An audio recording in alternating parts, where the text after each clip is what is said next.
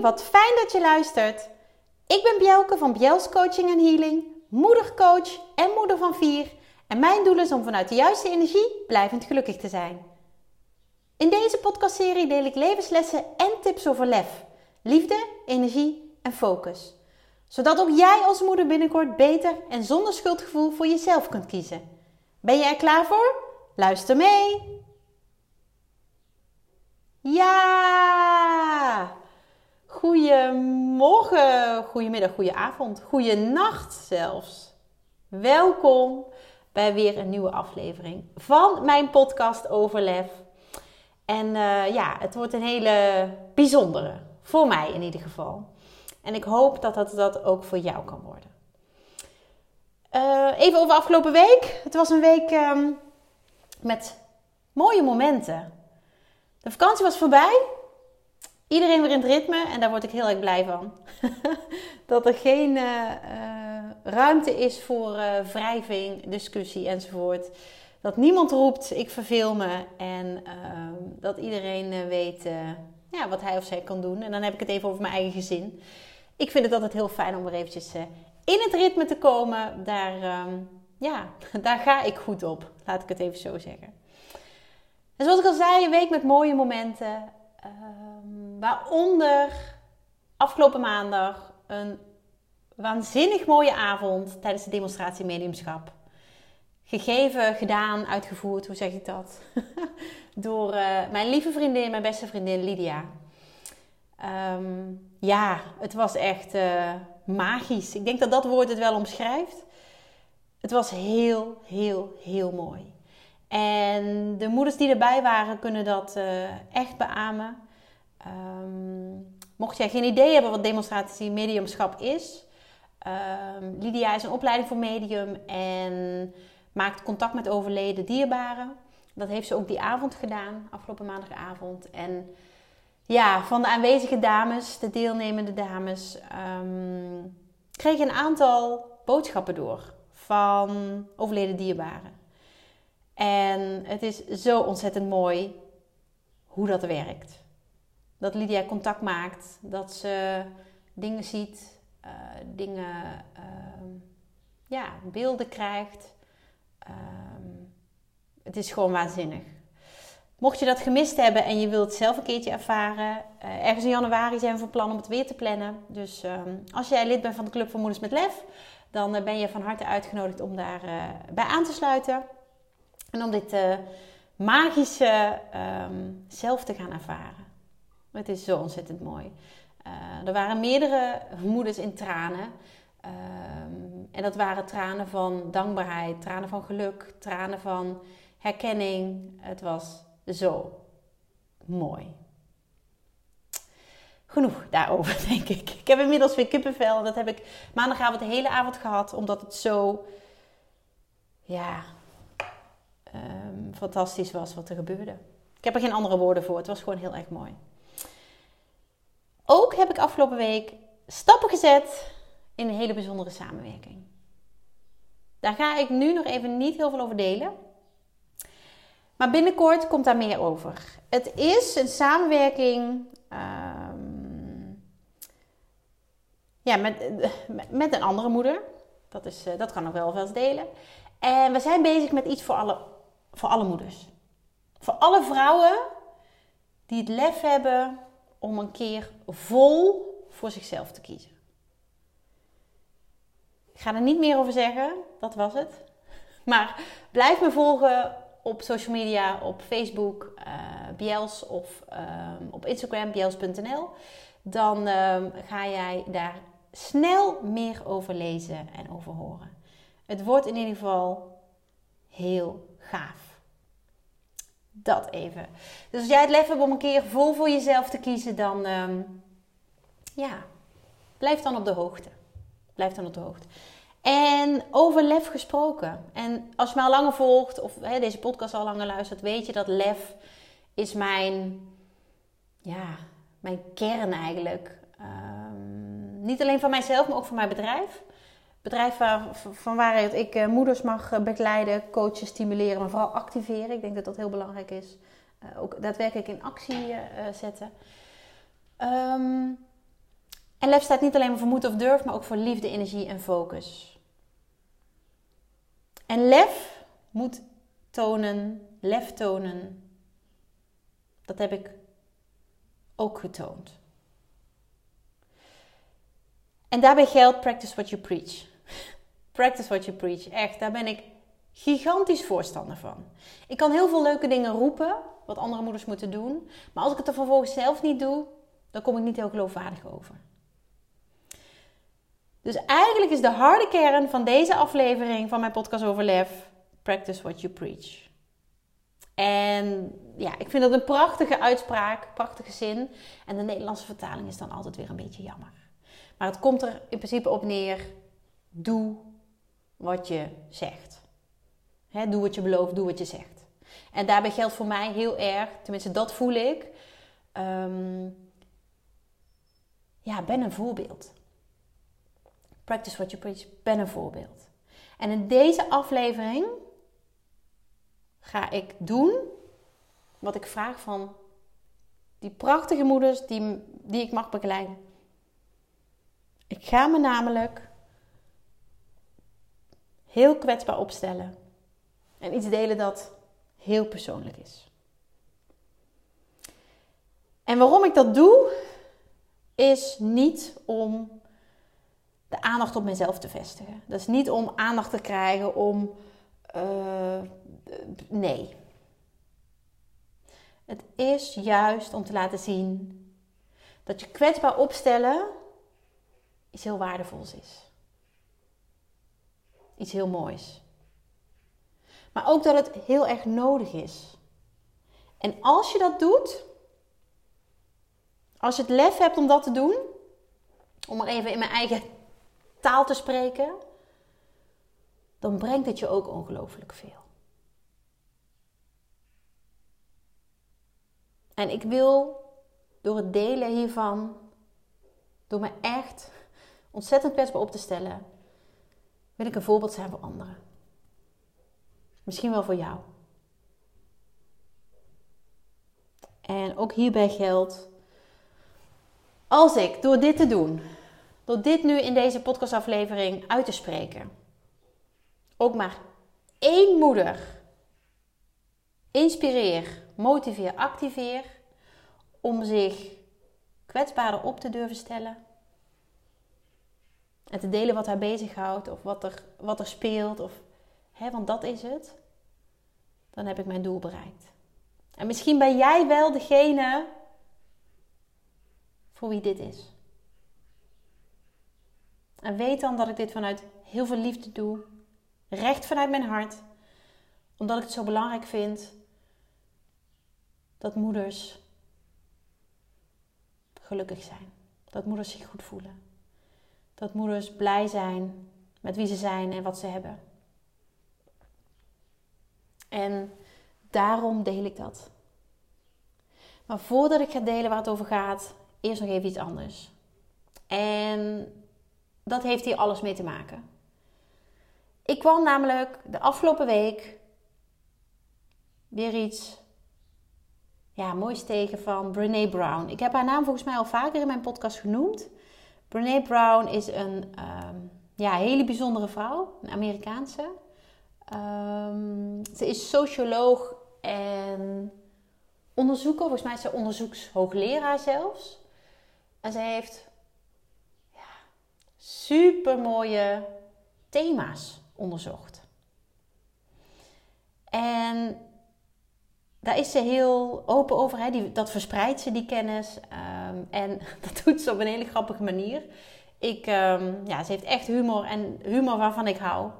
En dat maakt het ook leuk om uh, dingen van haar te kijken. Ik las een post van haar, of een bericht van haar. En dat zorgde ervoor dat ik een video van haar ging terugkijken. Uh, eentje die ik al vaker heb gezien, jaren geleden. Um, en die toen heel veel indruk op mij maakte. En nu ik hem ging kijken, was het weer zo. Het geeft namelijk, gaf en geeft heel veel herkenning. En dat is zo ongelooflijk fijn. Dat herken je misschien wel.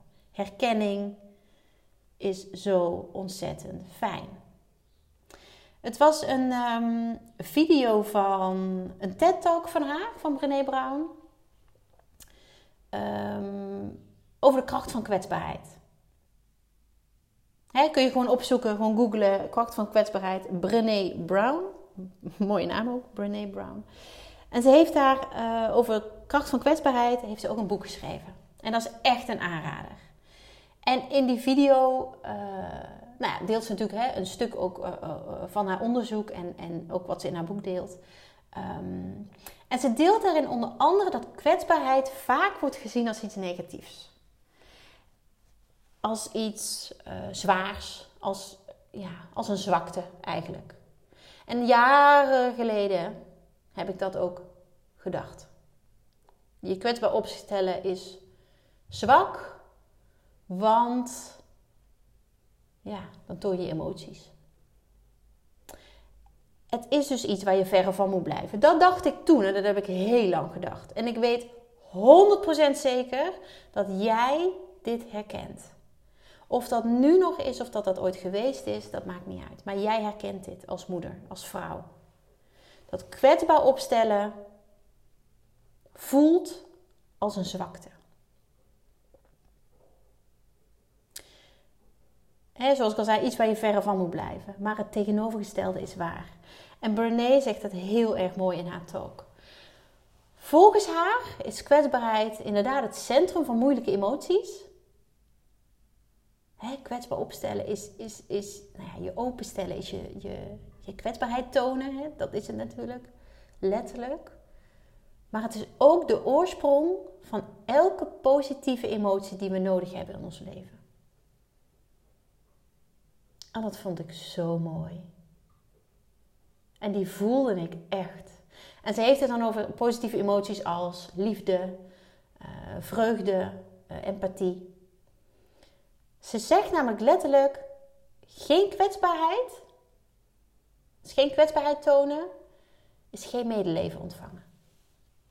Geen kwetsbaarheid tonen is geen medeleven ontvangen. En wat ze ook zegt, en dat heeft ze dus allemaal onderzocht, duizenden mensen heeft ze daarvoor gesproken en geanalyseerd. Zonder kwetsbaarheid is er ook geen creativiteit, ehm, geen verandering, geen innovatie. Wauw. Maar de aller, aller, aller, allermooiste uitspraak van deze video, die zij doet en, en die echt bij mij binnenkwam, was: Crisissen komen voort uit het zich niet kwetsbaar durven opstellen. Echt, bam! Crisissen, en of dat nou heel groot is, of gewoon een persoonlijke crisis, of een um, relatiecrisis, of welke relatie dan ook, hè? Crisissen komen voort uit het zich niet kwetsbaar durven opstellen. En toen dacht ik, ja, dit is het gewoon. Dit is de sleutel. Dit is de sleutel. Zo mooi en zo raak.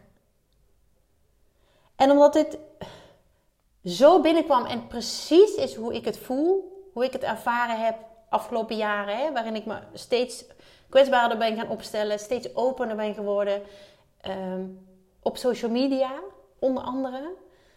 Ehm, als je mij al, al, langer kent, uh, ook van daarvoor, dan weet je dat ik altijd nou ja, redelijk open boek ben. Um, maar ja, dat ik het helemaal open en bloot op social media deel, dat is ja, aantal jaren nu. En dat doe ik omdat het voor mij goed voelt. Het voelt voor mij goed en daarom wil ik het doen. Niet omdat iemand het zegt, niet omdat iemand dat vindt dat ik dat moet doen. Ik denk juist dat heel veel mensen vinden dat ik het vooral niet moet doen. Maar dat is hun eigen angst. Bij elk bericht dat ik deel, bij elke video die ik deel, bij elke woord dat ik schrijf eigenlijk, bij elke aflevering van een podcast die ik deel zoals deze, is mijn intentie, is dat wat ik wil bereiken, dat ik één moeder, één vrouw verder help. Op wat voor manier dan ook. En dat is ook de reden dat ik ga delen wat ik deel vandaag. Ik deel altijd open wat er is, wat er speelt. Uh, ik ben ontzettend transparant over mijn uh, verleden, wat ik heb meegemaakt. Um, hè, wat ik nu op dit moment meemaak, maar wat ik, ook wat ik nog ga meemaken. En dat doe ik omdat ik dat voel dat ik dat wil doen. En zo ook vandaag. Ik ga iets met je delen wat voor mij ja, wel een beetje dubbel voelt. Een beetje dubbel voelt, maar tegelijkertijd ben ik heel blij dat het gaat gebeuren. Ik ga namelijk volgende week maandag naar het ziekenhuis. En dan krijg ik een borstverkleinende operatie. Ik heb al te lang, te veel last van de zwaarte van mijn borsten. En daardoor, nou ja, word ik steeds meer beperkt. Ik krijg, uh, ik heb al heel lang last van mijn nek, van mijn schouders. Ik heb nu heel lang ook al tintelende armen, uh, tintelende vingers. En ja, ik kies ervoor om dat niet meer te willen. En daar is een operatie voor nodig. En een operatie is altijd spannend. Hij brengt risico's met zich mee. Maar ik heb er het volste vertrouwen in dat dit helemaal goed gaat komen. En dat het mij meer vrijheid gaat geven, letterlijk. En figuurlijk. Ik sta al sinds begin van het jaar op de wachtlijst. En heb twee weken geleden te horen gekregen dat, ik, uh, dat er een datum is. En die is dus maandag de 7e november. En het moment dat ik die, dat telefoontje kreeg, dacht ik: wow, oké. Okay. Je, je, nou ja, goed, ik sta al uh, tien maanden op de wachtlijst. En je hoopt maar steeds dat je een oproep krijgt. En door allerlei um, hele uh, begrijpelijke oorzaken is dat nog niet, nog niet zo ver gekomen. Maar als het dan zo, zover is, denk je: oké, het is zover. Nu gaat het beginnen. En ik heb de afgelopen weken uh, onderzoeken gehad. Uh, ik heb een mammografie gehad. Ik weet niet of je dat zelf al eens ervaren hebt, maar dat was een bijzondere ervaring. Bij mij was het gelukkig niet heel uh, extreem pijnlijk. Ik hoor daar wel andere verhalen over, maar nou ja, daaruit bleek dat het allemaal goed was, allemaal schoon was. Um, ja, je moet eigenlijk, je wordt, je wordt helemaal onder een vergrootglas gelegd. En dat is heel goed, hè? Dat, dat, daar ben ik alleen maar voorstander van. Um, maar ik ben dus ja, een, vrouw die, die eigenlijk heel trots is op haar borsten. Ik ben er altijd heel blij mee geweest, omdat ik, uh, ja, voor mij ook een, een, een het hoort bij mij. Um, ik heb altijd uh, behoorlijk grote borsten gehad. En door de zwangerschappen zijn die alleen nog maar groter geworden. Ik ben heel open. ik hoop dat je dat, uh, dat, je dat kunt waarderen. Um, maar het, de afgelopen ja, anderhalf, twee jaar um, is het me echt in de weg gaan zitten. Letterlijk en figuurlijk. En wat ik dan kan doen is het wegduwen, wegdenken. Um, maar daardoor maak ik het alleen maar groter, het probleem. En ik voelde heel erg dat er wat moest gebeuren. Uh, niet dat ik mentaal er uh, aan onderdoor ging, maar ik had er wel steeds meer last van. Het ging me steeds meer beperken in, in wat ik deed, in, uh, in kleding kopen. En dat is helemaal niet wie ik ben. En zeker niet wie ik wil zijn. En omdat ik zoveel klachten heb in nek, rug, armen, uh, uh, vingers hè, met de uitstraling. Um, en ook de spieren aan de bovenkant van mijn borsten. Is het voor mij ja, een hele logische stap om, uh, om deze operatie te ondergaan. En dat, dat hebben de doktoren die daarna gekeken hebben ook, ook bevestigd.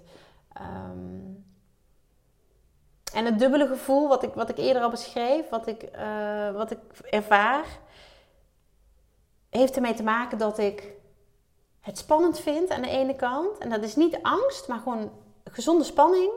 Hè, want het is toch weer een operatie. Uh, en vooral het natraject is, is impactvol voor mij.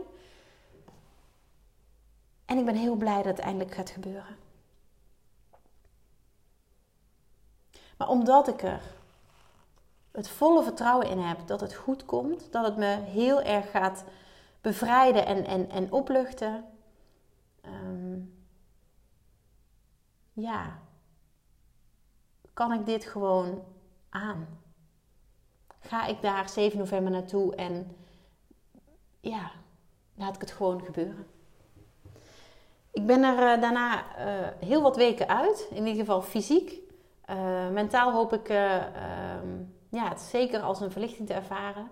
En natuurlijk, hè, ik ga volledig onder narcose, dat zal impact hebben. Ik ga um, nou ja, echt wel hè, last hebben van, van de ingreep en, en de, de wonden aan de binnen- en de buitenkant. Maar inmiddels heb ik al zoveel doorstaan en zoveel overwonnen dat ik dit gewoon ga, ga doen. Dat dit gewoon ook goed komt. Dat dit gewoon. Ehm, ja, ik merk gewoon dat ik een bepaalde berusting heb of zo. Nu het eindelijk zover is. In het begin was het oh, een datum. Wow. En nu? Maar ik ben het stukje bij beetje overal gaan delen. Hè. Mensen, nou ja, wie het echt betreft, uh, uh, privé of zakelijk. Ehm, en ik heb ook echt gewoon besloten dat ik dit hele proces wil delen. En nogmaals, niet om de aandacht op mezelf te richten, maar om iemand anders daarmee te helpen. Want als het niet borsten zijn, is het wel iets anders waar je misschien last van hebt. Waar je jaren al letterlijk of figuurlijk, of beide, onder gebukt gaat. En ik wil gewoon een voorbeeld zijn van iemand die die geïnspireerd actie onderneemt. Die daar vol vertrouwen instapt.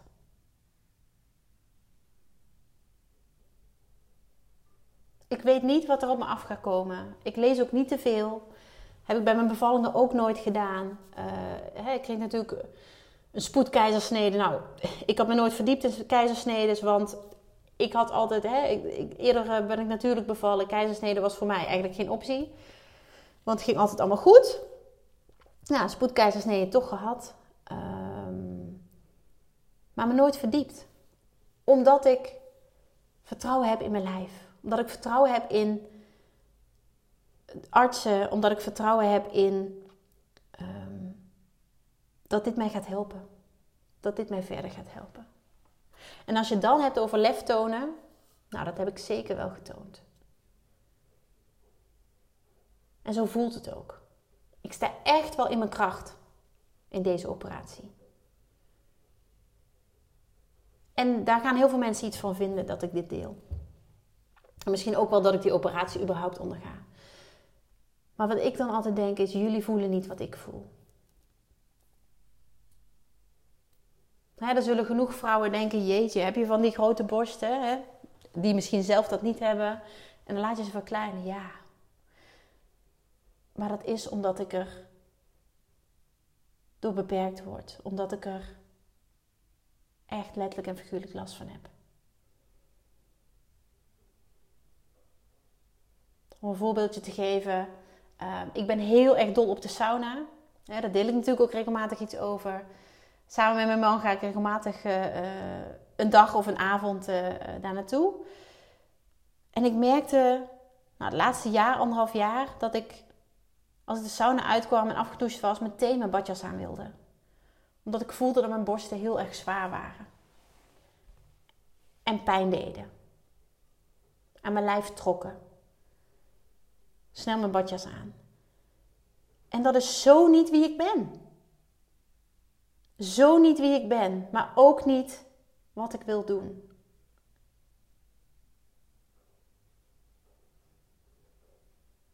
En ik heb heel veel oefeningen gehad. En ik heb heel veel dingen gedaan, uh, healings toegepast. En daarmee gaat het pijn wel weg. Maar daarmee verhelp ik niet de oorzaak.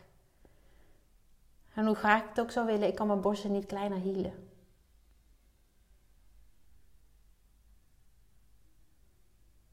En daarom onderga ik deze operatie.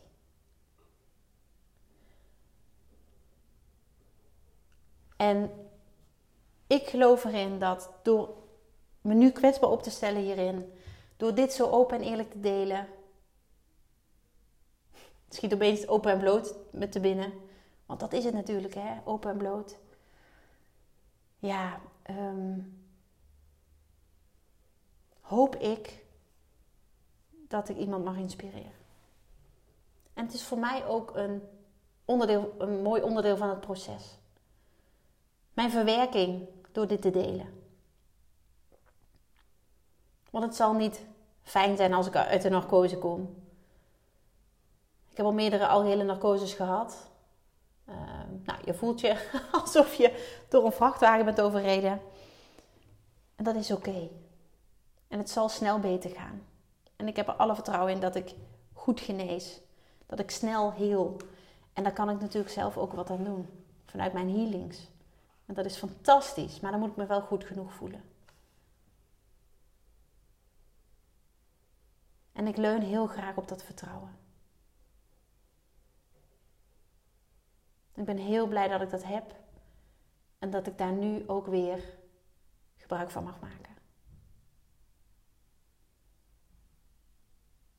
Dus de komende weken, want er staat zes weken herstelperiode voor, waarin ik uh, nou, fysiek vrij weinig mag.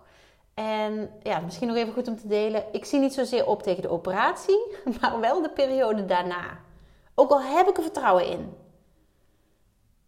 Want hier thuis ben ik de spil. Hè, dat zeg ik dan maar gewoon open. Dat is gewoon zo. Net als elke moeder, denk ik. Bijna elke moeder. Ben ik de spil. En die spil is even out of order. Gelukkig hebben we drie grote kinderen. Heb ik een hele lieve man die heel veel kan doen, wil doen en dat ook geregeld. Ehm, en ons kleine meisje, dat komt ook goed. Ik heb er alle vertrouwen in. Maar daar zit voor mij nog eventjes de zwaarte. En ik weet zeker dat het 100% goed komt. Er zijn zoveel mensen die ons kunnen helpen, willen helpen. Komt goed. En mentaal ben ik er gewoon, hè. Ik mag alleen niet zwaar tillen. Ik mag alleen niet nou ja, heel veel huishoudelijk werk doen. Mag ik niet. Ik kan wel gewoon praten. Ik kan wel gewoon mijn podcast doen elke week. En even een update geven hoe het met me gaat. En ik weet zeker dat dit proces mij weer ontzettend veel inspiratie geeft. Om jou mee verder te helpen. En dat is heel erg waardevol. Nou, dan weet je eventjes wat er bij mij speelt. Waar ik de komende weken ehm, mee bezig ben. Uh, maar het zal natuurlijk niet alleen maar gaan over mijn borstverkleining. Het zal niet alleen maar gaan over mijn operatie en hoe ik me voel. Er komt ook heel veel waardevols voor jou uit. Ik vind het heel fijn dat ik dit met jou mag delen. Ik ben heel dankbaar dat ik dit met jou mag delen. En ehm, ja, ik hou je op de hoogte. Dankjewel voor het luisteren. Dagelijks inspireer ik honderden moeders om met lef te leven. Dit doe ik niet alleen via deze podcast. Je kunt je ook gratis aanmelden voor de Club van Moeders met Lef. Hierin deel ik praktische tips, geef ik inspirerende workshops en wekelijks live sessies en coaching. Zodat jij meer balans ervaart, meer rust in je hoofd krijgt, vaker me-time neemt en dit alles zonder schuldgevoel. De club is een superleuke groep met gelijkgestemde moeders waarin ik wekelijks live ga. Hierbij deel ik tips, meditaties en kaarttrekkingen. En als lid van de club krijg je ook nog korting op mijn live events. Dat gun ik iedere moeder, dus jou ook. Join de club en ontdek hoe jij, net als de andere moeders, met meer lef kunt leven, zodat je meer kunt gaan genieten. Ga naar bjels.nl slash club en meld je aan. Ik heet je graag van harte welkom. Nogmaals, dankjewel voor het luisteren en heel graag tot de volgende keer.